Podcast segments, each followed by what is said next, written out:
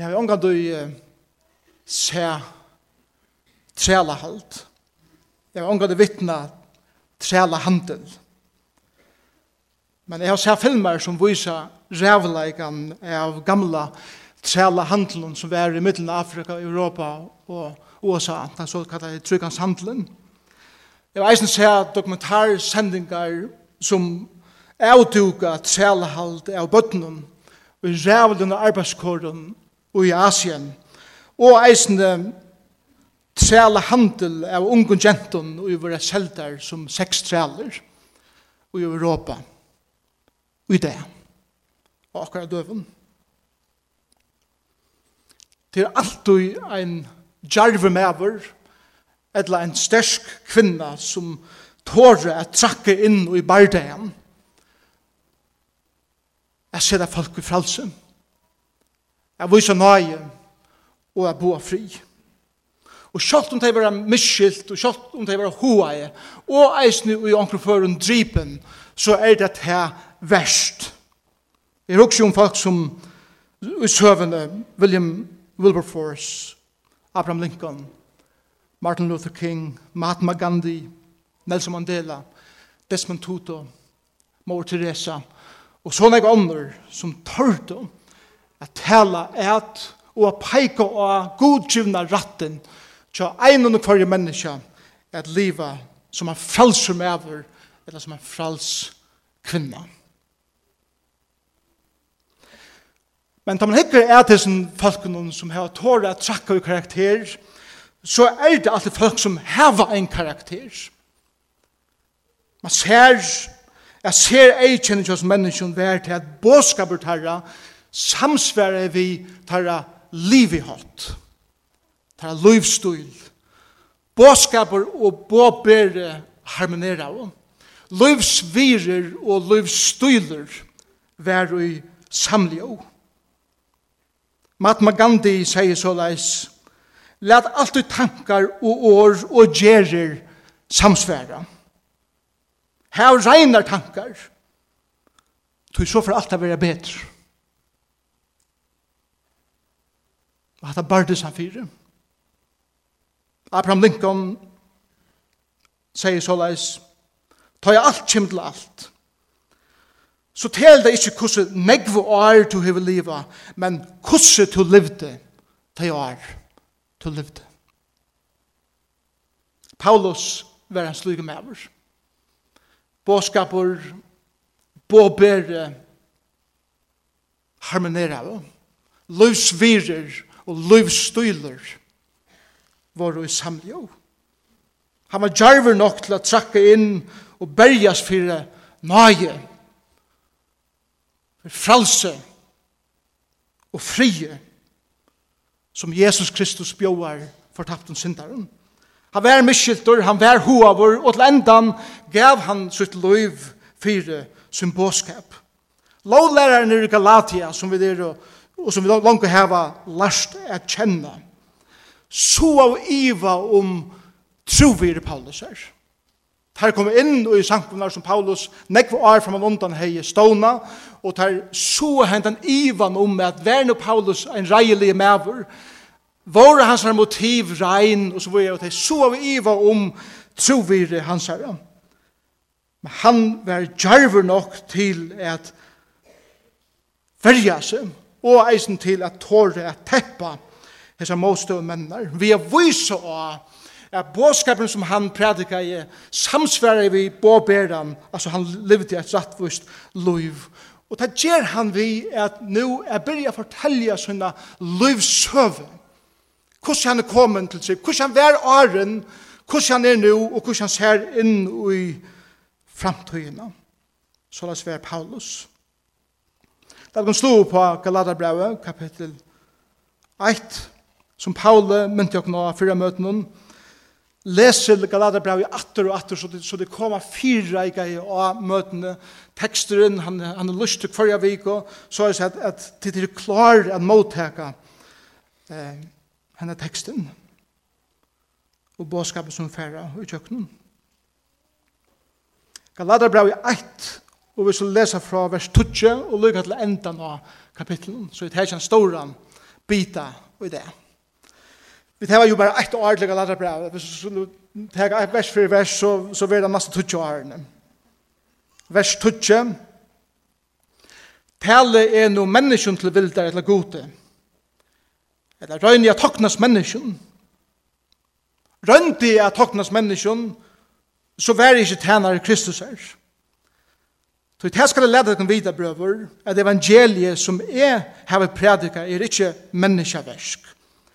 Jeg jo heller ikke finnet det, eller last det av noen mennesker, men vi åpenbering Jesu Kristus. Tid har jeg jo hørt hvordan jeg bær meg et før, da jeg levde som jøte, at jeg og medelig har søkt det et sankum og gods, og ødde hjemme. Jeg får langer og jødedommen enn mennesker jaunaldrar i falskjumønnen. Og jeg var enn utnare for lærdom og fedramønnen. Men ta ui gode lukai som ur mor lyvi hei tidsum vi ut og som kalla i med vi nage sunne at åpenbæra sånn sunn ui mer fyrir at jeg kunne kunngjere evangelium han mittelhetningan er ta spurte jeg ikkje vi det samme hold og blå til ras. Jeg får heldig ikke nian til Jerusalem til terra som undar meg våre apostlar. Nei, jeg får borster til Arabia og kom så atter til Damaskus. Tre år settene, eller tre år etter dette, får jeg nian til Jerusalem at læra Kefas til Peter apostel at kjenne. Og jeg stekker vi honom 15 dier. Men av henne posten sa i ångan, best Jakob, bror herrens, sa jeg.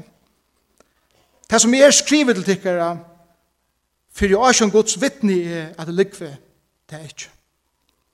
Så er det ferie seg om i Syrlandet og Kilikia. Men personlig er kjent og hinner kristne samkommende og Judea med ikke. Det hørte best. Han er over i er at okken predikar nu evangeliet om trunna som han einafer atleie at øya. Og de prysa gode fyrir meg. De prysa gode fyrir meg. Jeg har tvei punkter der. Først, båskaperen som vi prædikar må være rattur. Nummer tvei, båberen som prædikar må liva rattvust. Det er det som hessner teksten lærer okken. Først, båskaperen som vi prædikar må være rattur. Og det første som Paulus lærer okken i vers 20 i dette at her var rattan båskap er at vita hver motivene er som er tæn i honom vi. Og det er vers 20. Tali er no menneskjen til vilde eller gode. Eller røyne jeg toknas menneskjen. Om jeg røyne jeg toknas menneskjen, så er jeg alls ikke tænare Kristus er. Vi gjør når hun tar ut som at disse lovlærerne kommer inn og har sagt at motivene til Paulus er bare for å få noe bors ut i konfutjarlige, eller for å ha makt i det lett landa.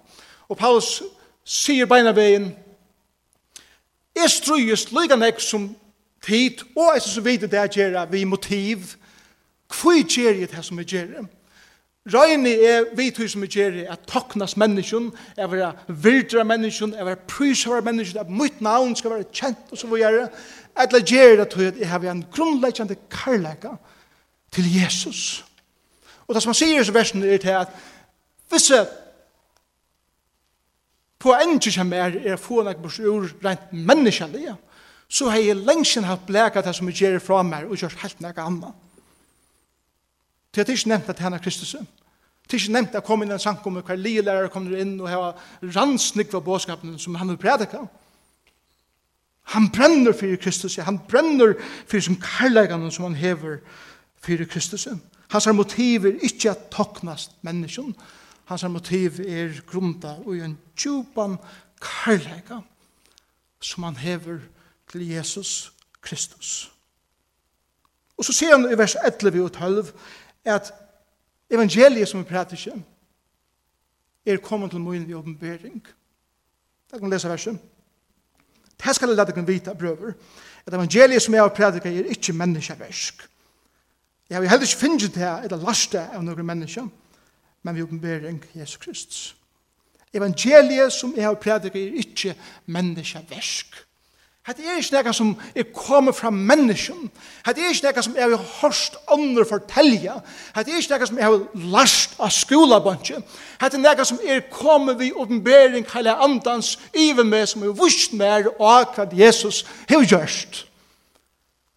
Om til menneskeversk så, så blir det hette at jeg skal arbeide meg fram og arbeide meg opp til at nå er her til at nå er det gode nok. Det er som at sitte her i morgen at man ber fra attaste bønnsje at arbeide seg fram til at være verdt å sitte av fremsta bunch Hvordan er det å strøye seg til? Hvordan ofte hører man ikke til at å, jeg er ikke verdt å komme her på en og så videre.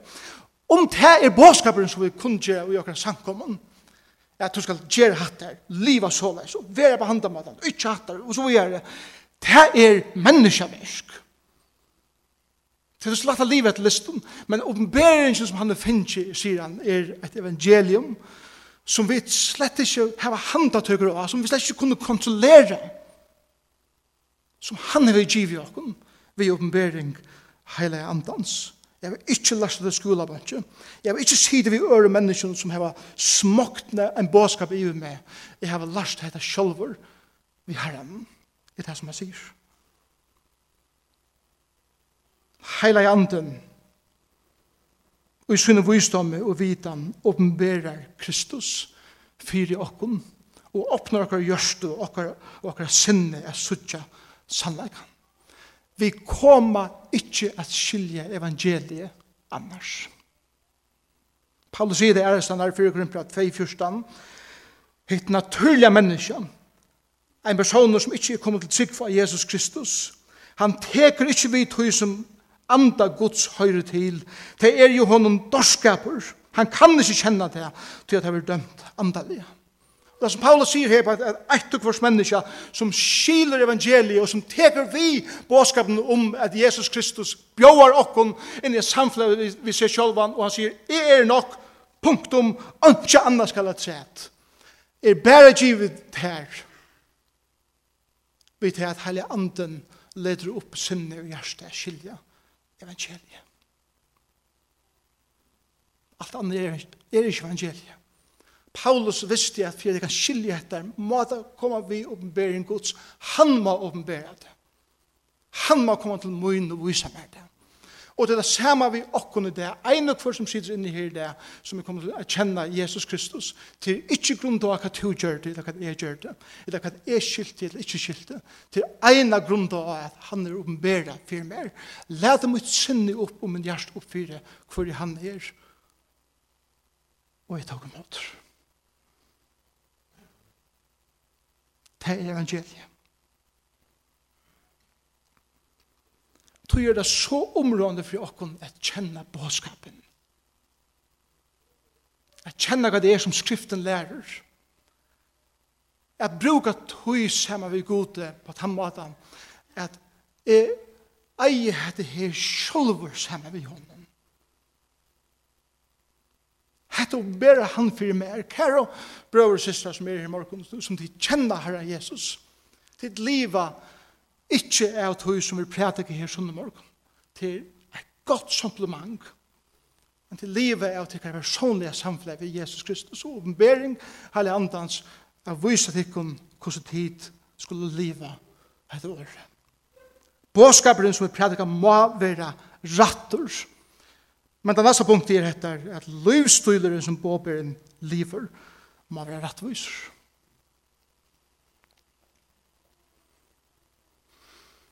påskaperen som er sørste sunde, eller sørste for tås om Galaterbrevet, brukte som mynden om at vi er i en fengehus, vi er fengar, vi er last inne, kjetene er snurer rundt om, og Kristus kommer inn, og han spranger dittene opp, han kommer inn og i fengehuset her, som vi er Og han sier, kom ut! Kom ut! Kjus vel, huren er sprongt opp. Kom! Men at disse listan som standa skriver på vetjen at du er ikke god nok, du er ikke verdur, du skal gjøre hatt, du skal ikke hitt, og så vi er hindrer og kunne tåre å trakke ut. Men så trakka vi det ut. En av største trobleikene at Abraham Lincoln var vi til å sitte trælehandelen ur gildi i Amerika, og træle var knapplega fryer vær til at ta i der marsjera vi ut fra sin grum og herren, høyde der ångas en affæra. Negver av dem døye og i hungre, til det finnes ikke med. Negver av dem var fengar i atter av øren grum og herren, og negver funnet virkelig frelse. Til det samme mynden vi andre av løyven. Kristus hever pjerke okken ur hesson fengehusen som, som synd hever fenge okken ur han hever han døye for okra synd, han vil bjerg okken ut, vi trygg og se, og han tever okken ut i etter landet, men det er ikke et land som ikke hever. Vet dere hva Herren Jesus Kristus gjør? Til det er at han tever okken ut fra hese fengasellene, og bjørge okken inn i eina varsle. For jeg bruker myndene i Lukas 15. Hva ferien kommer sonen til eldre sonen og sier, kom inn i varslene.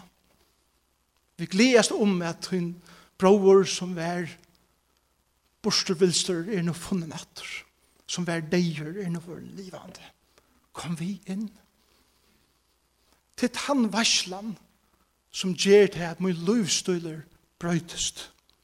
Det er ikke bare at vite at jeg er bjergar fra synd, og ikke nærmere mer enn det, men jeg må vite at jeg er bøyen fra her som fenghusen inn i en versle, som for å avvirke mot liv. Hvor at jeg kom tøymer i en versle, hver fullt av listen henger henga av vetsene hva du skal gjøre og hva du ikke skal gjøre, og så får jeg gjøre en versle dansa vi herran. Vi gledes og vi synsja og, og vi har et her samfunnet vi herran. Jeg fylgjast vi Jesus er er bæt at være hånden nær, at føle seg elsket igjen, at føle seg omfemden. Vi prøver ikke å vite akkurat hvordan alt skal være i morgen. Jesus sier vi lærer sånn, der, kvann det er, fylg mer, tar fylg noen tørt. Ikke aner seg for hva Jesus får tega der i det, etter kan man finne på i det, etter kan føre gjøre i morgen, og så videre. Tar fylg det bare hånden etter, og tar fylg det, og tar fylg det så, se, trykker. Det er det som er versla eier jeg gjøre varslan ved Jesus er at løyva Jesus er at øysa sin karlaga nyr i meg som gjer til at mitt løyv forvandlas til et løyv som er fyllt av karlaga frie glede mildleika trofeste avvokst til andans avvøkser andans kjemur, ta i løyve hele andanen, at gjere ta versk i mer som Jesus, øyse sin karlaga nir i mer, og mitt løyv brøytest. Akkurat hvordan veit de ikke ordentlig. Menneska båskaper er at du skal bare fylle seg listen. Hvis du gjør hattar så er det ordentlig godt, og hvis du ikke gjør hattar så er det ordentlig godt. Og da blir det strøy. Å, jeg nevner det, Begynner hva er det listen være, punkt 3, Det er min kjørt her. Jeg fylgjørs ved Jesus er at dansa ved hånden. Det er at eta ved honom. Det er at liva ved honom. Det er omfender av honom.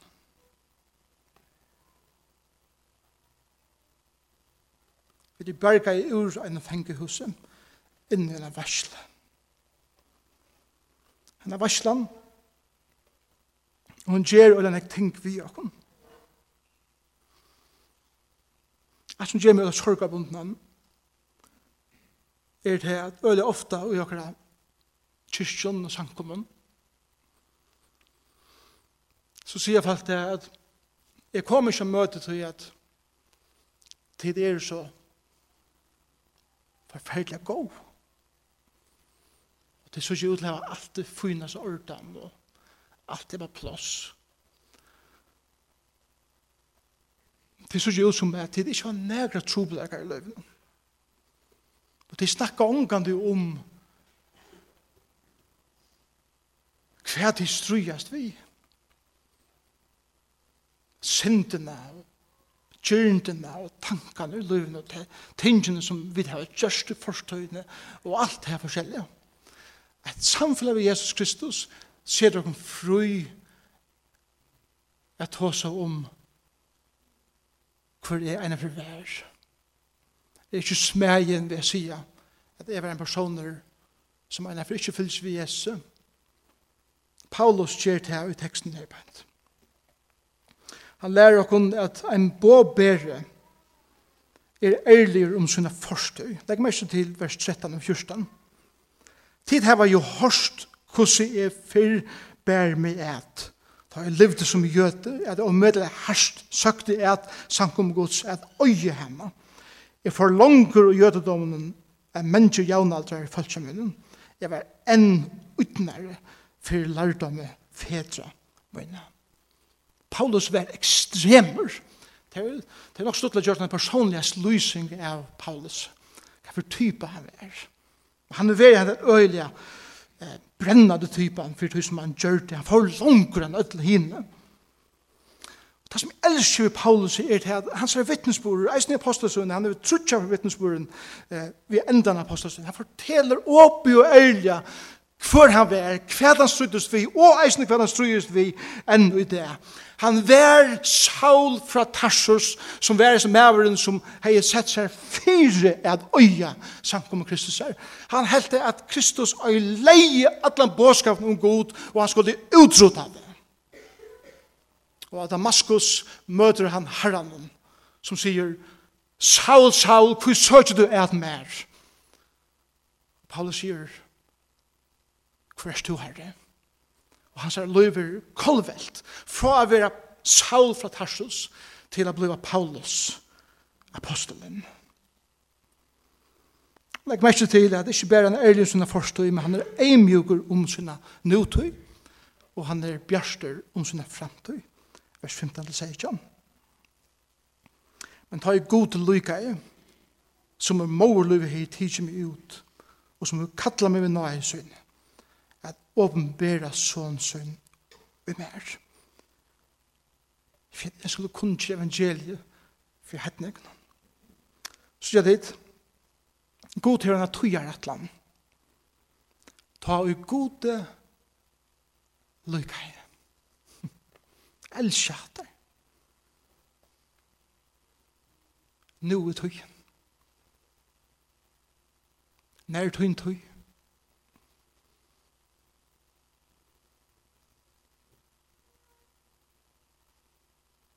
Hevde finnje tøyna tøy vi. Ta i gode lykkeir i. Kære bror og kære syster som kjenner Jesus, gode lykkei er bruka til. Tu erst vi i hans rattujar atlan. Legg mest til han sier at han hever en evig atlan vi ter og vi mer som ur mauer løyve hei tidsin vi ut. Og to års blivin til som foster inni i bujnum av mamma dine.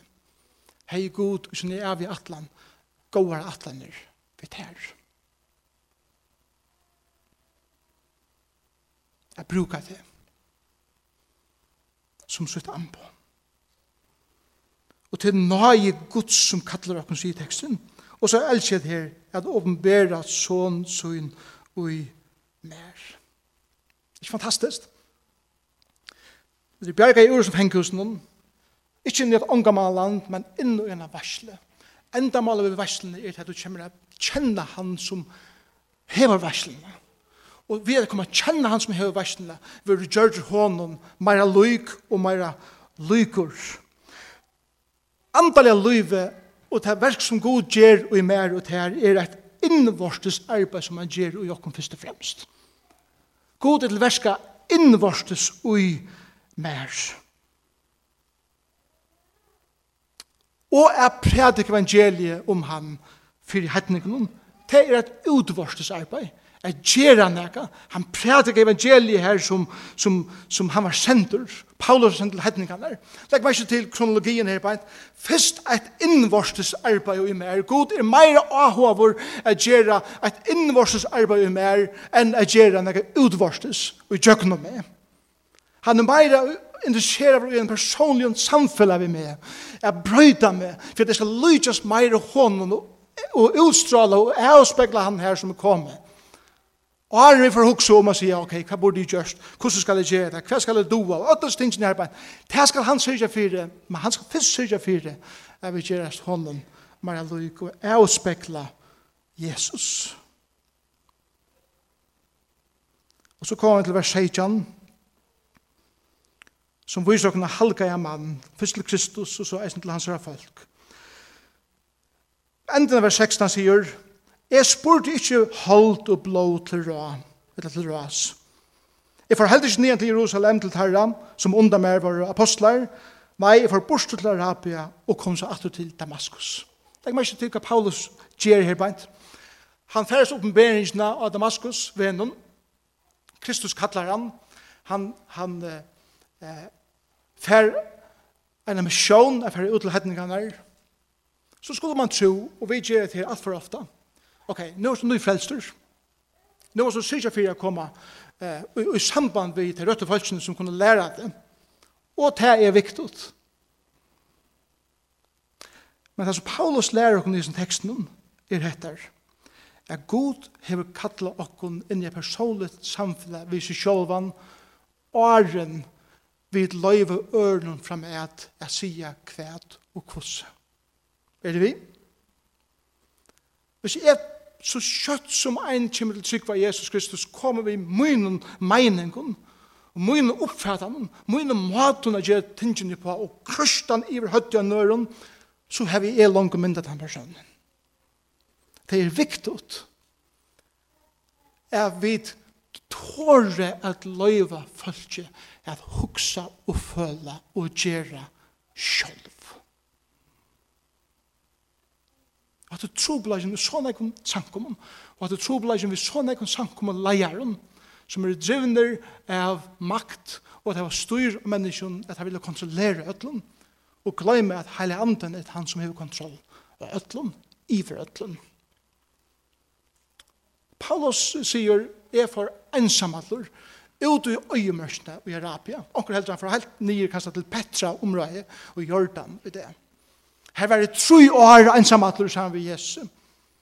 Og fikk oppenbæra öllest tingene som han hefur lært med. Jeg lærte Jesus at kjenne ensamatler.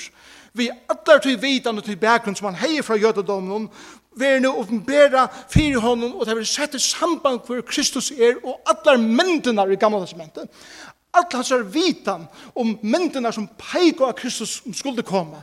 Gjeras livande fire hånden.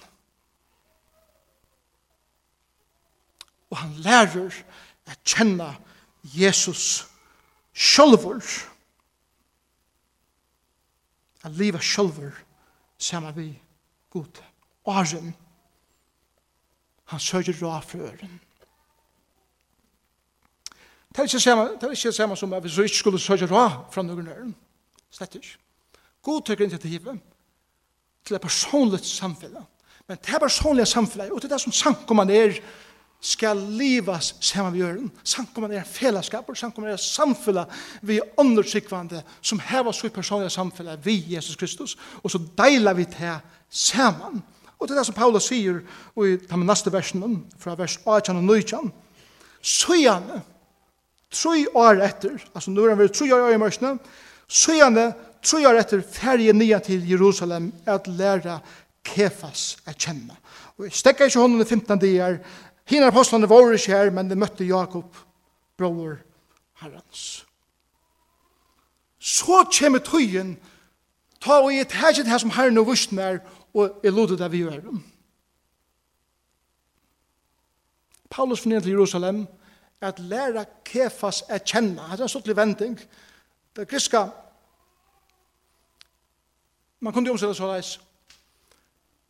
Så fornyer til Jerusalem, og og fornyan til Jerusalem, er bøyde om søver vi kefas. Hver jeg fortalte honom mina søve, og han fortalte mer syna søve. Jeg kom å kjenne til at her var en samtale vi kan annan, og jeg kjenner her på det som året søva kommer fra. Jeg forteller en søve, mine opplevinger vi i øren. Og jeg så gjerne funnet for meg, 15 dager,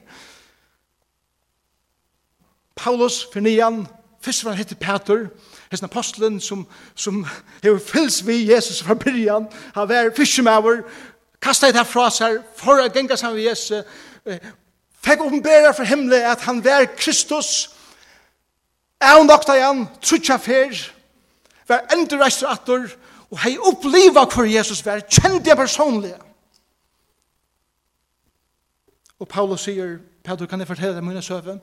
Og Peter, Paulus legger sinne søve av båret for Peter og forteller at oppleving, at oppleving, og Peter, jeg synes ikke bare fire meg, mor åpner bare mer og mer, og Peter sier, man skulle tro at du har hever, ikke lykkes, flønnes av Jesus som av. Er du sikker på at du ikke fylles ved henne? Varst du ikke at han for her skukka noen kjenner? Du har søvende samsvær av. Petrus sier, åpenberingen som du finner samsværer vi det som vi har lært fra herren. Vi har bruk for å fortelle dere søver for øren, og dere oppfattende så som vi kunne være rattleit, vi kunne være oppmuntret, vi kunne være edgeie. Men eisen til å være edgeie sier, jeg skal tørre seg rattleit. Det er fantastisk at Herren har kallet det til hedningene, han har kallet meg til jødene, vi får hver som vi er, men vi har samme bådskap. Vi må kjenne bådskapen. Og så fer vi det ut Jeg kunne gjøre evangeliet. Hadde det ikke vi burde gjort mer av sånn?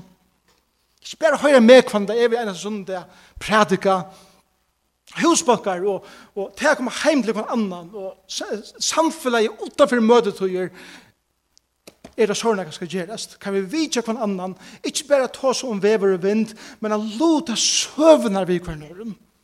Å låta erfaringene vi kvann nøren. Jeg at lære hver annan å kjenne av en andelig nivå, så så vi kunne edja og, og, og oppmuntre hver annan, og rette hver annan ta et her nøyot. Det er det som andre liv er. Andre liv er ikke komme og møte.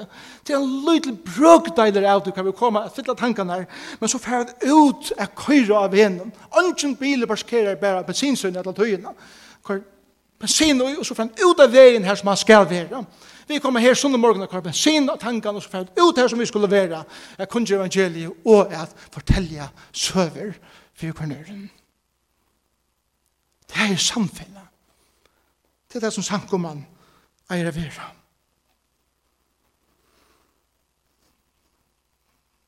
Han heter Jakob Bacchayes. Jakob Vi leser at bætjaner sier Jesus flente at Jesus men han lute, men på omkring måte er Jakob kom til trygg.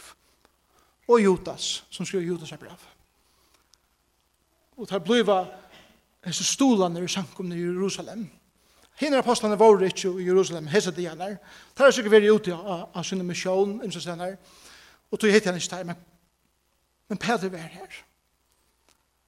Og hette er tøyen ta og i samfellashånden blir løgt av Paulus.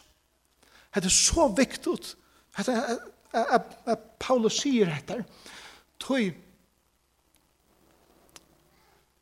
hese lovlæren som var kommet fra Jerusalem til Galatia søtte nemlig at Paulus han var ikke i mor samkommende i årene han kom til tikkere.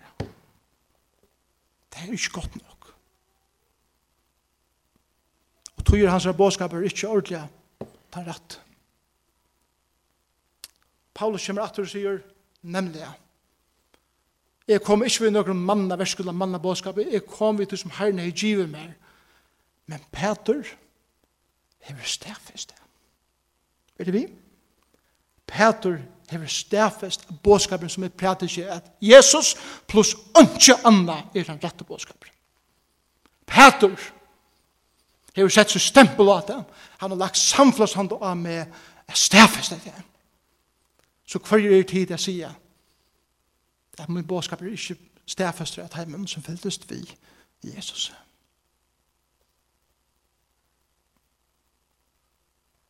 Så leser vi vers 20. Det som jeg skriver til tikkere, for jeg er ikke en gods vittne, eller likvi ikke. Det er sannleik som sier. Og så leser vi til senast Så gjerne ferdes de om i Syrlandi og Kilikia. Syrland, det ligger her som Syrland er det, men eisen inne i Libanon. Og Kilikia er ta hjørne i Mielhavn fer opp i Torskuje og så nye til Libyen tan veien. Kilikia la ut i landspersonen. Her, her oppe i hjørnen her som eh, Mielhavet kommer opp i Torskuje i det. Det er Kilikia. Men personlig jeg kjente henne Kristus ankomne i Judea med ikke. Det er det samme som at samkommet i Jerusalem og eisen i æra samkommet som nå er plantet i Judea. De kjente slett ikke Paulus, de hadde ikke hitt han enn. Men de hører vittnessporene om denne mannen. Og hva er vittnessporene? Han som oversøkte er dokken, nu nå evangelium sunne, som han egnet for atle er et øye. Halleluja! Men her er brøyter! Hva er det ruslet den? ta i båskaperen og båberen samsværa. Båskaperen og båberen er brøver, hva er ruslet dem? Vers 24, og de prysa av gode fire med. Er hatt av mannøtte, eller er det her godsrette? Hva er fokus i honom? Han sier ikke, og de prysa av gode fire. Hvordan fantastisk det er. Nei, det er prøys av gode fyrir hva han er gjørst og mer, og hva han er brøtt med liv. God for ærene, god for heiren, god for tilbjørnene fra menneskene.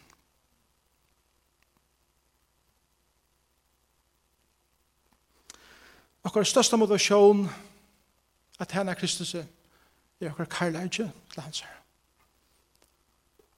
Og okkar karlægje til hans herre er hevur sånne keldi ui at han øyser sin karlæka nere i okken. Tan karlægen og tan samflag er bæra møvlet og en varsle. Sammen vi herren. Hver han slipper at omfevne okken og vise okken steve vi ser. Ta brøyter min livsstil, ta brøyter min huksan og matan i er på og hos i livet. En kjente prædik med over London tog en dag en taxabil heim fra arbeidet. Og tar han en gold for turen, så opplever han at bilføreren har givet noen nett for nekka penger at. Han teler en for seg og første huksene som han sier, eller huksene er, åh, takk god, hvordan går det over med? Hette akkurat nok penger til å betale råkningene hese vikene. Han fer ut ur bilen om, og han blir gjengen mot husen, men han veit innast inni at, men det er ikke mine penger. Jeg finner ikke for nekva atter. Han bare sier at jeg skal det bare tega det og fer til hus, det skal det gjøre det som er rett, og fer at til bilføreren og sier at du gir meg for deg penger atter. Og han sier nei, nei, nei. Jeg, jeg må vende vi, og han fer atter til taxisjåføren som ikke var ferdig sted enn, og sier, hva skal jeg, skilta du gav meg alt for deg penger atter, du, du gjør det en feil, så gjør vel, her, her pengene. Taxisjåføren, han sier så leis, nei, jeg gjør det slett en feil. Jeg hørte det tala siste sundag om å være ærlig og tala sannleikene. Jeg helt til røyna det å vite om til livet her som du prædiker.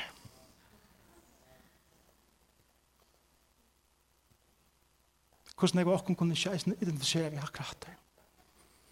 Og til luttla, jeg blir ærlig. Og til luttla at båskaperen samsvarer vi båperen. At min livsviser samsvarer vi min livsstil. Hvordan? Lister? Nei, stev. I verslene. Vi herren.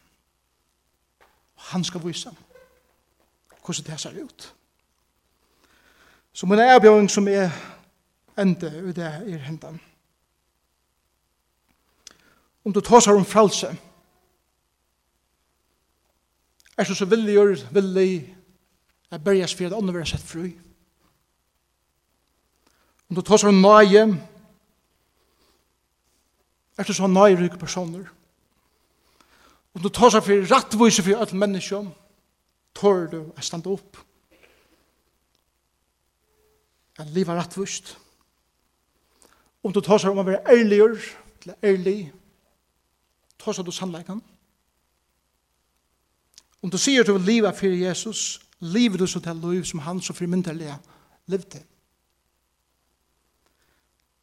Det er frakt at lese om og høre søvnar om Wilberforce og Lincoln og King, Mandela, Therese og andre som levde en båskap som samsvarer ut her livstøyle. Mor Therese levde for sin søk. Da hun sier så leis at vi huksa om fadragadømme jeg vil svenker, eller nætjen, eller heimleiser. Men jeg vil å yngster, å elskaver og glemter, er det største fadragdømme som er. Og vi må byrja heima at gjøre enda av slikum fadragdømme, og hon levde og døye for sine søk. Martin Luther King sier, I have a dream. Og han døye for sin dream. Mahatma Gandhi, nei, Nelson Mandela, sier såleis, Jeg vil ha falsor er ikke best å blæka ens egne luncher av. Men at være frelsor er at liva fyre at vira og øtja om frelse tja øren. En heil tjo liver ut det i ljósen av hva det som er en livte fyre. Så, kan lade brevet et lærer dere at ein og hver maver og kvinna som ønsker at henne gode, må kanna sine motiv. Er mine motiv menneskeøtte, jeg vil ha toknas menneskene, jeg vil ha populære med folk, eller er det godsøtte? Jeg vil jeg litt av Kristus og navn høgt, og lade hans her karlæga fløyme innom, innom mitt liv. At jeg ikke ha kontroll og akkurat uten de listene som jeg skal, jeg skal ikke, men løyve hånden at leie meg hvem det er en mæver, eller en og hver maver og kvinne, som ønsker at henne gode, for å få kritikere og fortjenter, Som oftast innanifra. Paulus fikk sin forkyndere innanifra, som heter hans bådskap. Og det gjør vi det snø. En og hver maver eller kvinne som god kallar at tæna seg fer er bruka tøy ui øyemørsne. Moses, Elias, David, Jesus og Paulus brukte alle tøy ui øyemørsne.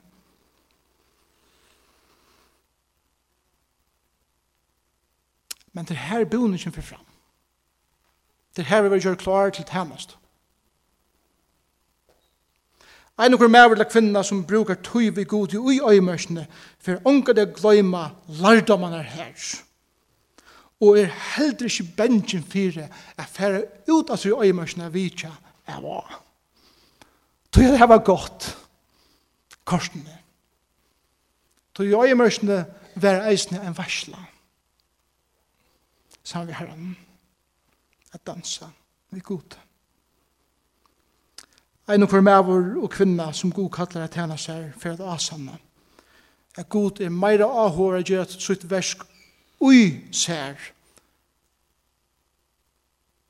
enn jøgnen seg. Eller at løyv Jesus er spekla og jøgnen det som han ønsker at jeg skal vise ut etter. Og han er for å spyrja hva er det gjørst, hvordan vel du du, hvordan jeg er vil være over. Han er slett ikke interessert av det tog før han ser hvordan åpent det verst at det er Jesus skyna i kjøkken til løyf. Og ein og for meg av eller kvinna som god kallar at henne ser for eisen er at oppleva at her glede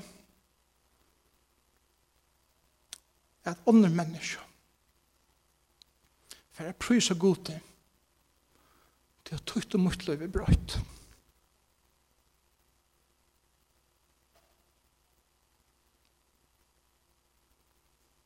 Kona min kan prysa gode hvis jeg er brøytest. Jeg kan prysa gode hvis jeg er unbrøytest. Mine bøtten kunne prysa gode hvis jeg blir en bedre pape, en bedre maver, en åpnere og ærligere maver, som tårer at vise av mine veikleikar og eisne mine styrker. Folk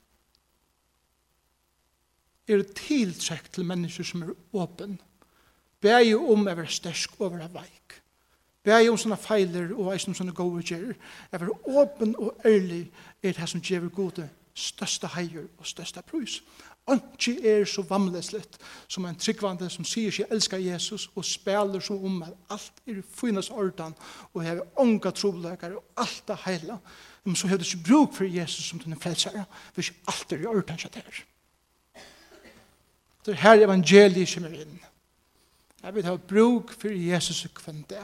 Jesus er ikke bare min frelsere fra en evig fortapet, men min frelsere kvann den evig eneste en det. La det åkken til å være folk som lever frelse, som tår å trakke inn i bardeene, og sette folk fri, som tår å vise nøye, og som tår å bo fri. La det åkken tår å være miskyldt, Let oss tåra over hoa. Men let ei kjenne okkar av vera at båskaperen og båberen samsverda. Let oss skia eit og gjerra nega anna. Hoksan og ætfer genga alltid hånd i hånd. Lys virer og lys tøyler samsverda. Og båskaper og båbere er og brøver.